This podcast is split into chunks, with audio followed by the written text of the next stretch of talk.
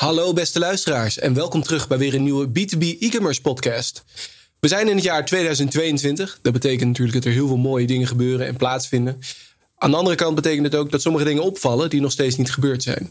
Nou, vanuit onze rol uh, zien wij wel vaker dat er nog aardig wat B2B-organisaties zijn waar wij heel veel potentieel voor zien. En denken dat ze met de juiste insteek op termijn ja, goede stappen zouden kunnen zetten online. Maar dat die stap nog niet gezet is. Nou, er zijn natuurlijk altijd heel gegronde redenen en argumenten voor. En ik vind het interessant dat vandaag eens te bespreken uh, met onze CEO, Joost Schildwacht. Om te kijken hoe, wat voor een uitdaging hij nou vaker hoort en hoe kijkt hij er tegenaan. En dan kunnen we daar vanuit het gezamenlijk gesprek kijken wat daar mogelijkheden en kansen voor zijn. Want ja, 2022, jaar van de mogelijkheden. We zullen het zien. Laten we beginnen.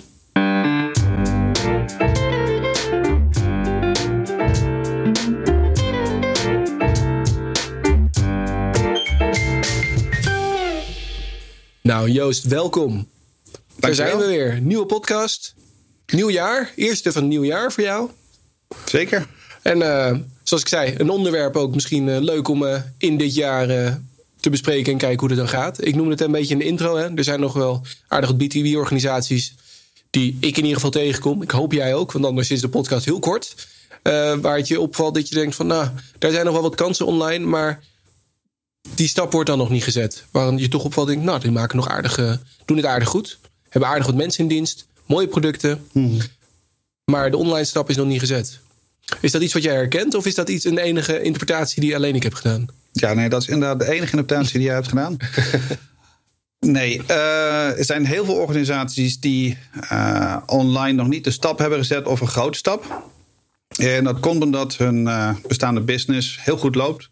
En ze niet precies weten hoe ze dat goed kunnen inzetten. Uh, met bestaande mensen. En ja, het zou nog steeds misschien verbazen. Maar er zijn ook gewoon nog steeds bedrijven die werken met uh, de fax. En met e-mails voor het plaatsen van orders. En dat werkt goed. En er is een systeem voor, er zijn mensen voor. En de marge van de producten laten dat, laten dat ook toe. Ja, dus eigenlijk heel kort gezegd zou je zeggen van de, het is gegrond, er, er zijn redenen voor van er is niet direct een reden om te veranderen. Ja, er is, niet een noodzaak vanuit de finance om dat te doen. Um, en de meeste orders komen nog vaak dan binnen via de telefoon bijvoorbeeld. Dus, uh, en er zitten ook mensen en tegelijkertijd die mensen kunnen ook de relatie onderhouden met de klanten. Dus waarom zou je dat dan online uh, verplaatsen? En dan vind je op het gebied van waar je concurrent ook zit. En kan je dan nog je klantwaarde behouden? En veel B2B-bedrijven die zijn daar bang voor. Of heel. Er zijn B2B-bedrijven die daar bang voor zijn. Ja, misschien is bang dan. Ik snap precies wat je bedoelt. Dus bang is misschien niet het juiste woord, maar de zin van. Ze weet niet hoe die stap te zetten. En de overtuiging en de noodzaak, zoals je eerder beschreef, is er niet. Dus wat is dan de reden om dat te doen? Er is gewoon, ja, angst. Ja, nee, je komt toch weer terug op het woord bang, maar. Ja, er is angst voor verlies van uh, identiteit. Uh, dat is één. En ook de toegevoegde waarde. Dus, dus bijvoorbeeld B2B, dat is. Dat de, een van de belangrijke onderdelen is dat je de klant informeert en adviseert over producten.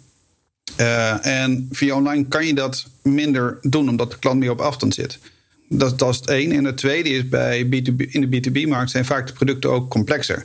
Dus ze mhm. bestaan uit uh, ja, meerdere onderdelen. En, ja, en ook onderdelen die dan weer uh, die niet tijdloos zijn. Dus die veranderen. Waarbij je dus een nieuw product moet kunnen aanbieden. En dan moet je precies weten dat dit het juiste product is voor de juiste monteur. Dat zijn redenen waarom B2B-bedrijven niet een stap hebben gemaakt of nog een kleine stap hebben gezet en dan niet verder weten hoe.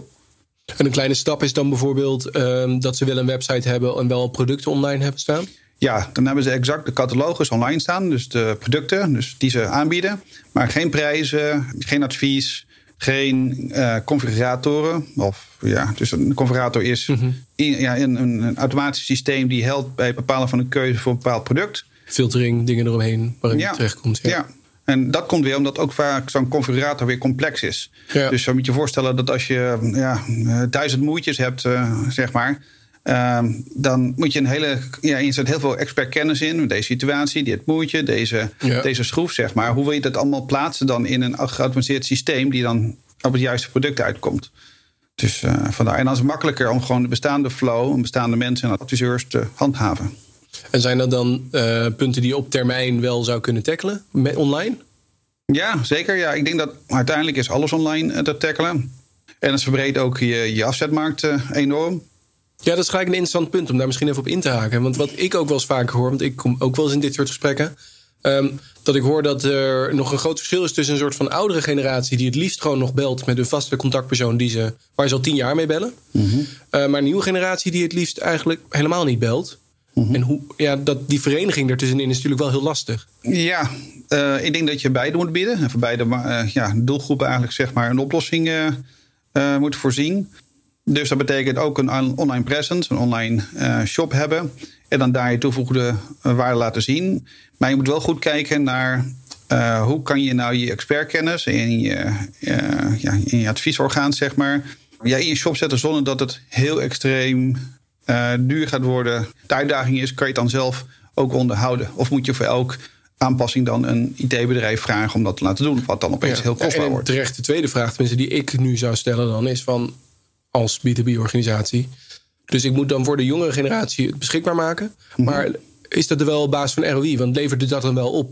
Dat is natuurlijk wel een moeilijke vraag om te beantwoorden. Want uh, heeft uiteindelijk die oudere generatie, ik, ik stereotypeer nu natuurlijk, en er zijn genoeg die het ook wel online zouden willen. Mhm. Uh, heeft die ook wat aan de online invulling?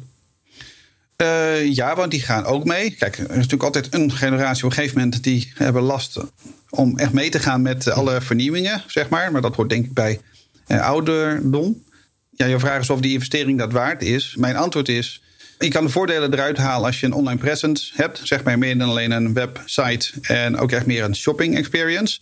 Als je op de juiste manier doet en als je die doelgroep ook weet te bereiken. En het is ook zo dat je, ja, niet voor elk product is eenzelfde webshop geschikt. Ja. Dus ja, je moet kijken naar uh, ja, wie bestellen er bij jou, zeg maar. Uh, ja, hoeveel mensen komen er. Je kan eh, Google Analytics bijvoorbeeld gebruiken, zeg maar. Wat is het afhaakpercentage op de producten? Mhm. Kijken of je een enquête kan rondsturen. Uh, waarin je ja, de informatiebehoeften, zeg maar, en de online presence uh, vragen stelt. Dus uh, heb je wel eens gedacht over online te bestellen? Wat heeft je voorkeur, telefoon of uh, online? Uh, en zo aan de hand van je data bouw je op met... hey, ik merk dat mijn doelgroep aan het verschuiven is. En men wil ook online eerst zelf gaan zoeken... en, en de productinformatie en de producten zeg maar gewoon samenstellen... en alleen voor bepaalde gevallen nog bellen. Prima, ja. dat is een indicator. Hey, dan heeft het zin om te investeren in mijn online omgeving. Ja, oké. Okay. Ja, op die dus. Ja, dus een beetje daar de balans in. Ja. Um, want een ander punt is natuurlijk wel ook... Um, wat je noemde eerder al, het druk. Bedrijven zijn veel druk, maken nog steeds goede omzet.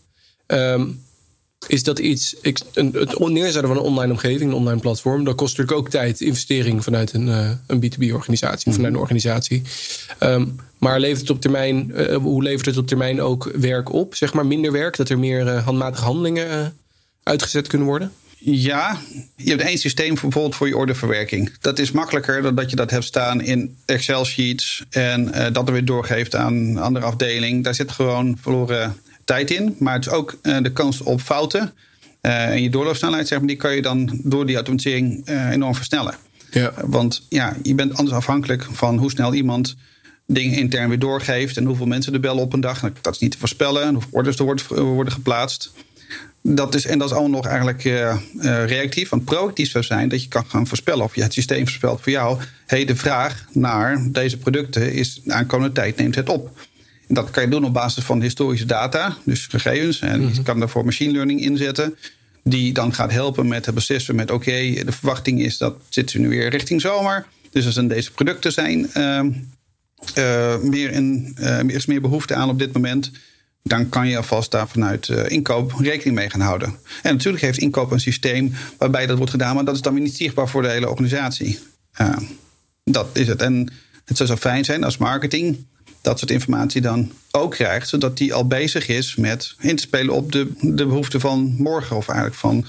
Ja, van de zon. Bijvoorbeeld producten die bijna niet verkocht worden om daar uh, marketinguitingen op in te zetten. Mm-hmm. ja. ja. En ook aan de achterkant kan je natuurlijk, hè, dus als iemand belt, zou je ook in de webshop kunnen bestellen. Zou de, de verkoper via de telefoon het ook op die manier kunnen ja, verwerken? Die zou in datzelfde systeem ook gewoon de orde kunnen inzetten. En het voordeel is dat je dan dingen, de processen zijn dan eenduidig. Dus er is gewoon één proces. Er is gewoon voor als een order wordt gemaakt, het komt in dat systeem binnen. En je webshop kan goed uh, worden ingezet als orderverwerkingssysteem. Daar worden dan de statuses aangekoppeld. Dus de eindgebruiker krijgt daarvan een automatische melding. Uh, als er een, uh, een, vertraging optreedt, dan is er ook één uniforme manier om het dan te communiceren. En dat scheelt overhead, en scheelt kans van fouten. En een betere klantbeleving, want de klant weet sneller waar die eigenlijk dan aan toe is. Mijn ervaring is bijvoorbeeld afgelopen jaar, ik heb, heb ik toch nog best wel veel bedrijven gehad, van wij bestellingen hebben geplaatst en dan worden we telefonisch opgebeld met er is een vertraging. Ten eerste is dat, eigenlijk vinden we dat al lastig. Ja. Ik, ik zelf vind het al uh, intrusive in mijn tijdsplanning, mijn agenda. Uh, waarom zit je dat niet op de e-mail? Wat is dan de reden? En eigenlijk de belangrijkste vraag is dan... dan moet ik zelf gaan doorvragen... wat betekent dat voor mijn doorlooptijd en voor mijn projectplanning? Terwijl op het moment dat ik dat digitaal krijg... en bij de juiste persoon, niet bij mij... maar degene die bij dat project bezig is... die kan dan daar de planning op aanpassen. Ja. En dat kost mij nu tijd en overhead. En de behoefte van de klant is... Uh, ja, dat de juiste informatie op het juiste moment... bij de juiste persoon terechtkomt. Ja, geen misinformatie. Uh, ja, en niet telefonisch contact, dingen waarbij het dan heen en weer bellen is, tijd verloren. Uh, de alternatieven worden dan ook, en dat is nog het andere, dat denk ik bij mezelf, als je toegevoegde waarde wil bieden via de telefoon, heb zorg dan dat je ook de alternatieven dan op een rijtje hebt. Maar wat mij dan opvalt, is dat het meer een relatietelefoontje is. In plaats van echt een telefoontje met: oké, okay, ik heb van tevoren de alternatieven uitgezocht. En je kan in één keer de keuze maken. Ja. Je hoeft niet te bellen en dan een afspraak maken. En dan na het belletje ophangen en dan dingen gaan verwerken. Klopt. Maar real-time.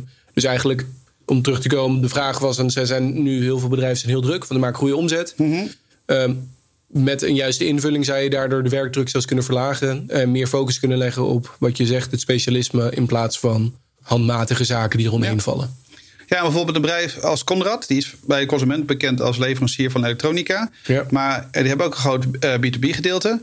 Die doen dat heel goed. Dus op het moment dat een product een langere levertijd heeft... Uh, of krijgt eigenlijk dan voorspeld...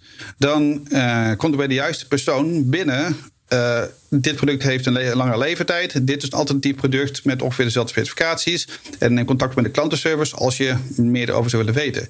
Maar dat is dan nog eigenlijk een, een, een basisstap, zeg maar. Maar ze hebben twee dingen al goed geregeld. Bij de juiste persoon komen er binnen. En ze hebben gelijk al een alternatief product voorgesteld. Of wachten, prima afvang. Uh, dat is ja. natuurlijk ook een keuze voor de klant. Twee andere dingen, uh, Joost, die, mij, uh, die ik graag nog even wil noemen... die mij vaker opvielen, is... Ik doe soms een klein onderzoekje op B2B webshops, sites. Uh, kijk even rond. Hè. Sommigen hebben al een shop of een, in een bepaalde mate of een website. Vaak met offertes. Mhm. Mm -hmm. uh, maar er staan er gewoon hele standaard contact aanmeldformulieren. Uh, waar je eigenlijk alles kan invoeren. Mm -hmm. um, bijvoorbeeld je KVK nummer of je BTW nummer. Vind jij dat nog van deze tijd dat het allemaal handmatig ingevoerd moet worden... en daarna moet gecheckt moet worden door iemand of dat klopt? Want dat is ik zelf, vraag om die ja, te beantwoorden. Zelf als ik er naar kijk, denk ja. ik van... Uh, nu moet iemand dus intern, heb je iemand intern werken bij je organisatie. Mhm. Mm -hmm. Die moet een formulier dat is ingevuld, gaan kijken naar het BTW-nummer. Die ergens door een uh, checker heen halen om te kijken of het klopt. KVK-nummer doorheen halen en dan het valideren. Mm -hmm. Het klinkt als heel veel omslachtig werk, waarin je waarschijnlijk al ongeveer een half uur verder bent voor je dit allemaal gecheckt hebt. Mm -hmm. Terwijl dat, naar mijn weten, tegenwoordig zomaar geautomatiseerd zou kunnen worden. En dat is Ja. een voorbeeld. Hè. Er zijn er nog meer tig voorbeelden te bedenken van eh, type personen die zouden mogen bestellen. Of eh, wanneer je bepaalt tot wel- welke hoogte je op offerte mag bestellen. Enzovoort. Ja, maar waarom ik het moeilijk vind om die vraag te beantwoorden... en nog even de vraag van of ik dat ouderwets vind... een formulier met waarbij handmatige gegevens die worden ingevuld... en handmatig door iemand wordt gecontroleerd... is moeilijk te beantwoorden voor eh, de B2B-markt. Waarom namelijk? Omdat een goed B2B-bedrijf... die heeft een, uh, een pre-sales en after-sales orgaan. Ja. En die doet veel meer dan alleen maar checken of een KVK-nummer uh, klopt. Uh, en vaak komt die data ook, dus contactgegevens in een CRM-systeem te staan. En dat is niet per definitie het, eigenlijk zou ik zeggen liever niet, het e-commerce systeem, dus je online systeem. Dus dan is maar de vraag of die automatisering, die je relatief eenvoudig kan toevoegen, zeg maar, echt tijd bespaart. Natuurlijk het knippen en plakken van uh, contactgegevens vanuit het formulier, ja, dat vind ik wel uh, onhandig, zeg maar. Ja. Maar het gaat eigenlijk meer over het proces. Uh, wat het bedrijf dan in heeft gericht voor als een nieuwe klant zich aanmeldt, zeg maar, wat gaat er dan lopen?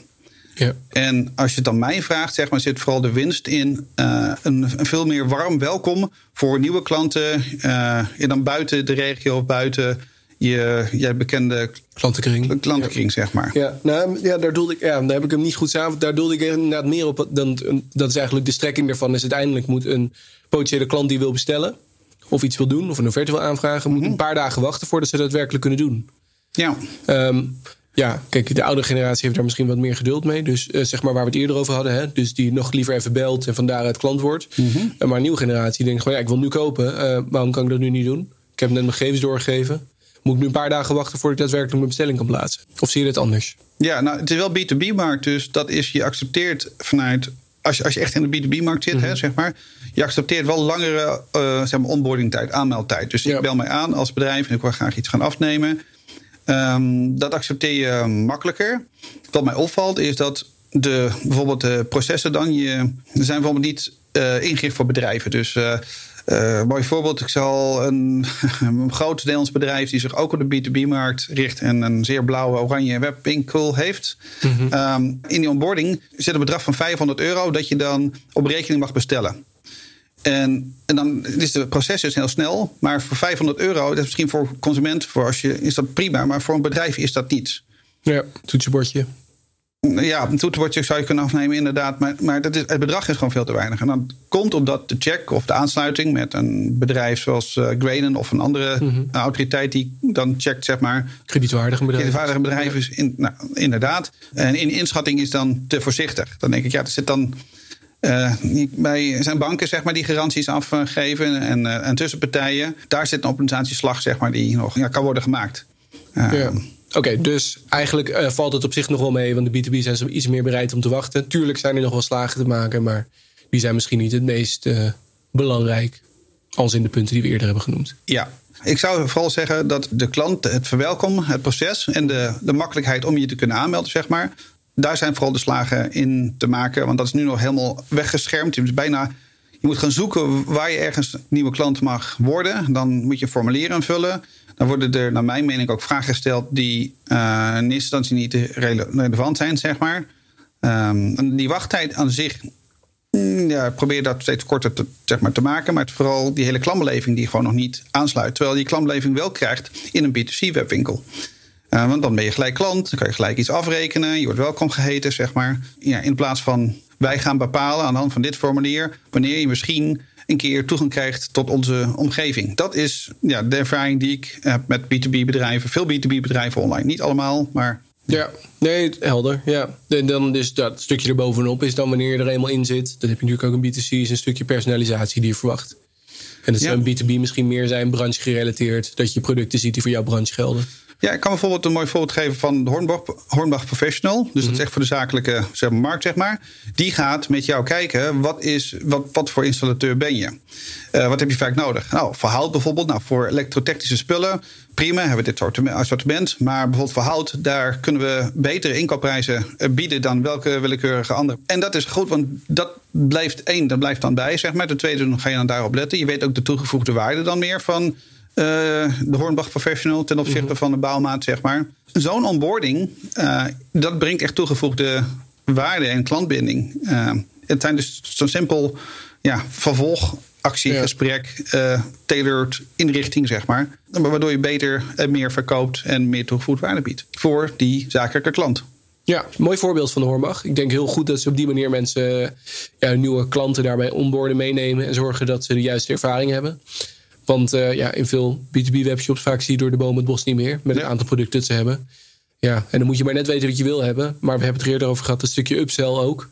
Mm-hmm. Uh, als je het online mogelijk wil maken, dan moet je zorgen dat ze in ieder geval de juiste producten zien met waar ze naar op zoek zijn. Ja, ik ben eigenlijk vergeten, heel belangrijk, ook de juiste contactpersoon.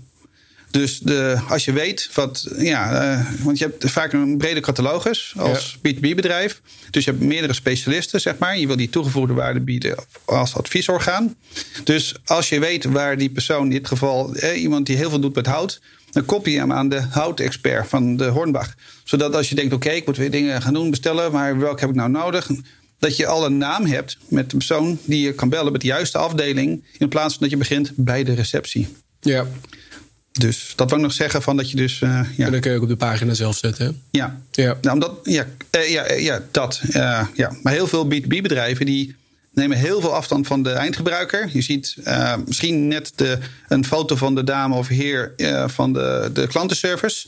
Maar weinig gepersonaliseerd met echt naam en, ja, naam en. Ja, terwijl het juist wel de wens is. We noemen eerder, dat is juist een van de redenen soms om die stap niet te nemen. Mm -hmm. dus juist om die extra stap erbovenop te nemen, dat wanneer er nieuwe klanten zijn. Mhm. Ehm, dat ze eh, op jullie website, webshop komen. En dan ook in een bepaalde categorie komen. En dan weten, oh, als ik hier toch een vraag over heb, dan moet ik specifiek bij deze persoon zijn. Ja, precies. Van die, Ja. dit e-mailadres en liefst eigenlijk nog nieuwe generaties een WhatsApp-mogelijkheid, zeg maar. Ja. Of een chat aan de zijkant. eh bedenk ja. maar wat het handigst is. Ja. Als er ook goede chat wordt geboden, dat is nog een heel andere discussie van andere. Ja, een hele andere podcast. Podcast, ja. nou, dan komen we, als iemand nu heel geïnteresseerd is, laat het vooral even weten. Dan eh, komen we er snel op terug. Mhm. Ehm, maar interessant. Maar we hebben het nu gehad over een paar uitdagingen. Nu dan een paar voorbeelden. Hè. Wat voor kansen zijn er dan voor bedrijven die denken van... nou, ik zou het nu op zich wel willen doen... maar eh, waar begin ik dan en wat zou een eerste stap zijn? De eerste belangrijke stap is eigenlijk, het klinkt heel basis, maar eh, een, toch een eh businesspropositie neerzetten voor jezelf. Hoe je dat wil gaan doen. Want de noodzaak is er misschien niet vanuit zeg maar, finance. Dus dan blijft het heel vaak hangen in een soort van creatieve sessies. Van oké, gaan- willen we iets met online doen? En dan wordt het eh, gesteld met een aantal mensen binnen het bedrijf. Ja, maar wel, nee en dit en deze eh, discussies, deze afhankelijkheden. En soms zijn er ook veel verkopers die zien het als een threat, zeg maar. Want we worden dan misschien vervangen door een geautomatiseerd systeem. Of een verder geautomatiseerd systeem. Als je bijvoorbeeld ook prijzen gaat bieden. Dan heb je nog politieke discussies over postcodegebieden, verdelingen, eh, dealers die er tussenin zitten die dan voor het hoofd gaan stoten. Dus dan is heel vaak terug. Oké, we doen het nog even niet. Die digitale transitie, we laten het even bij wat het is. En dat is dan vaak een online catalogus en CSA. Wat je eigenlijk moet doen is eerst een sessie organiseren. Met daarbij, oké, welke propositie eh, willen we nou online eh, bekleden? Wie gaan we tegen het hoofd stoten? Wat is, hoe kunnen we nu ons- onze kernwaarden eh, van advies, hoe kunnen we dat dan in de shop ja, ver- vertegenwoordigen, zeg maar? En welke pijn lossen we op? Dus heb je het weer over dat stukje doelgroep, zeg maar. De oude generatie blijft wel bellen, maar voor de nieuwe generatie niet. Maar wat is dan hun behoefte? Wat, ja, hoe, hoe bewegen ze zich? En pas daarna eigenlijk eh, gaan kijken naar, oké, prima, wat betekent dat aan kosten eh, of investering? En eh, ja, hoe lang duurt dat doorlooptijd? Wat is de toegevoegde waarde? In een return of investment analyse. De vraag is van wat moet worden gedaan? Een serieuzere, misschien ook wel van, van outside interview, sessie organiseren. En dan eerst te kijken naar eigenlijk hoe zet je nou zo'n zo'n transitie in gang. Dus Ja. ja, dat als eigenlijk stap 1. ja, om te kijken of het wel echt een toegevoegde waarde levert. Wat je kan dan precies doen. Wat zou de eerste stap zijn? Waar is je klant naar op zoek? En hoe kan je starten en het van daaruit kijken hoe je dat op termijn kan uitrollen? Ja, en dan te zorgen dat er ook een stap kan eh, worden genomen. Dat het niet blijft hangen bij. Het was een goed idee, maar het kost veel tijd, kost veel moeite, kost ook veel geld. Dus die interne sessies die, eh, ja, die gaan dan uiteindelijk verloren, omdat een, ja, een goede transitie naar de online en een verdere uitbreiding van kost, dat kost heel veel tijd en dat kost mensen, dat kost eh, focus. Dat eh, heeft te maken ook soms met change management, een organisatie, order flow. Dus dat is echt nog wel een stap. En ik zie gewoon dat veel B2B bedrijven ja, nog blijven hangen in eh, een simpele variant. En dat is de online catalogus. Met dan telefoonnummers ehm, en dan traditionele. Maar ook die online catalogus, daar denk ik ook wel eens over na. Om dat statisch te maken, dat kost natuurlijk heel veel tijd. Stel je zou een webshop alleen gebruiken om een soort van online catalogus te hebben. Dan is dat vaak al veel makkelijker te onderhouden, denk ik, dan het samenstellen en het continu bijwerken van een catalogus die je online hebt staan. papieren catalogus bedoel je? Papieren of zelfs online, maar dan op een, gewoon een normale CMS. Dus een normale statische website waar geen webshop component in zit. Niet aan de achterkant logica achter zit. Dan moet je alles maar invoeren, terugvinden, aanpassen. Dat kost ook heel veel tijd en moeite, denk ik. Ja, klopt. Ja. En dan kunnen dus eh, ja, e-commerce systemen eh, kunnen dan daarbij helpen. In ieder geval voor de centralisatie van tekst- en productafbeelding. Wat mij nog altijd verbaast is als je het hebt over DTP-werk en dat soort dingen. Dat, dat wordt nog steeds eh, ook gedaan. Ook met technische informatiebladen die allemaal worden gemaakt. En dat zijn dus dan verschillende mensen zijn dan daarvoor voor verantwoordelijk. Maar bijvoorbeeld het fotomateriaal voor die producten, dat wordt nog allemaal op een traditionele manier verspreid. En er is niet een centrale plek waar alle goede afbeeldingen, productverbeeldingen centraal staan in alle resoluties met filmpjes erbij, als ja, vanuit een centraal mediaarchief. Valt mij op dat, ja, dat de ene afdeling heeft al de informatie, heeft al goede foto's, maar dan duurt het weer een behoorlijke tijd voordat dat bij een andere afdeling eh, is. En de ene was met de catalogus be- bezig, de papieren. En de andere gaat dan bezig met de technische informatiebladen, zeg maar. Ja, ja, ja. Ehm, En niet liefst wil je die allemaal online te hebben, alles bij elkaar op één centrale plek. Dat het samen goed vindbaar, ja, precies. Dat als er een product is, dat je Ja. eigenlijk kan kiezen van welke afdeling je ook bent, zeg maar. Oké, ik ga nu een uiting maken. En of dat dan marketing is, of iemand die bezig is met technische documentatie, of iemand bezig is met de analoge catalogus, of um, online. Allemaal hebben ze toegang tot uh, de laatste up-to-date informatie, media die erbij zit. Ja, en krijgen ze ook een update over bijvoorbeeld als je iets wordt toegevoegd daaraan. Want er is van, vaak eerst hè, tekst en foto's en, video wordt in, uh, heeft een doorlooptijd, zeg maar. Dus is ook niet allemaal beschikbaar. Allemaal bij elkaar. Ja, en het liefst dan uh, voor de toekomstmuziek dan ook nog gekoppeld aan een soort van datasysteem waarin alle data wordt aangepast. Want er is heel veel van die uh, omgevingen, dingen die verkoop, verkocht worden mm -hmm. in B2B. Ja, er veranderen de specificaties elk jaar of de dingen die erbij komen kijken. Ja, of, dit wil je ook niet allemaal handmatig doen. Klopt, of productfoto's die uh, moeten worden vervangen omdat je product iets is aangepast. Nieuwe modellen die erbij komen kijken. Ja, dus, dus koppelingen met systemen als bijvoorbeeld een 2BA of iets in die trant uh, ja. kunnen daar nuttig voor zijn. Bijvoorbeeld, ja. ja. Oké, dus uh, nou, interessante materie. Ik denk heel veel mogelijkheden, kansen. En natuurlijk, er zijn, zoals ik ook vanuit jou begrijp, misschien nog wel meer besparingen die heel logisch zijn. Waardoor niet in één keer de stap gezet kan worden. Mm -hmm. um, maar wel interessant om misschien uh, gedurende dit jaar eens te kijken van wat zijn nou alle mogelijkheden. Want het gevaar is natuurlijk op een gegeven moment wanneer je een niet stap neemt. Het geldt niet voor elke sector natuurlijk. Dat je dan waarschijnlijk op een gegeven moment misschien een keer te laat bent. Ja, omdat je, je concurrent wel die stap heeft gezet en daar wel die voorinvesteringen heeft gedaan. Ja, klopt. En die gaat dan vreten aan jouw uh, ja, marge en aan jouw markt, zeg maar. Ja. Dat is één gevaar. Het tweede is gevaar vanwege globalisering. We kopen steeds makkelijker over de grens. Dus uh, ja, ook al staat het dan misschien niet in de perfecte Nederlandse taal en, enzovoort enzovoort. Maar ja. Als het drie keer zo goedkoop is. Als het goedkoper is en het juiste vertrouwen is toch te creëren, doordat wel de technische documentatie is, zeg maar. Ja, dan, dan verlies je daar markt. Of dat gewoon simpelweg monteurs zoeken een bepaald onderdeel en komen uit bij, uh, bij een, ja, leverancier, een concurrent, zeg maar. Die je ook, wat je, dat product verkoop je ook, zeg maar. Alleen ja, je hebt niet voldoende gedaan aan de vindbaarheid daarvoor. Dus uh, je ziet dat monteurs zeggen: nee, ik wil dit product hebben. En dat het dan uit België komt, prima. Dat regelt de afdeling inkoopbaar. Ja. Uh, terwijl ze dat ook bij jou hadden kunnen bestellen. Ja, dat zijn nog wel een aantal gevaren op een rijtje. Kort samengevat in deze uh, interessante podcast vond ik in ieder geval. zijn er dus genoeg argumenten te bedenken waarom het lastig is om die stap te zetten. Mm -hmm. um, maar het is goed als organisatie zelf, stel je herkent je hier en je luistert dit, om eens goed na te denken van ja, waar wil je uiteindelijk heen? Wat zijn de mogelijkheden? Waar loop ik nu tegenaan? Zijn dat problemen die, uh, die ik eigenlijk zou willen omzeilen? Waar ik al een tijdje tegenaan loop? Hoe kan ik dat doen? Mm -hmm. um, en van daaruit heel kritisch kijken. Eerst goed kijken naar de propositie zelf. Wat wil ik nou precies gaan bereiken? En hoe kan ik dat gaan doen? En dan een termijn gewoon een keer iemand inschakelen om daar eens een keer een gesprek over te hebben en te kijken of het allemaal past. Want ook niet voor iedereen uh, is dat nog geschikt. Hoe mooi dit ook allemaal klikt. Misschien, uh, het is niet de schoen die voor iedereen past. Uh, en je moet het alleen doen als het echt iets oplevert. Dank in ieder geval voor, voor je verhelderende inzicht, Joost. Leuk om een gesprek hierover te hebben. Graag gedaan. En ik hoop dat het een interessante podcast was, beste luisteraars. En dan zijn we er binnenkort weer met een nieuwe podcast.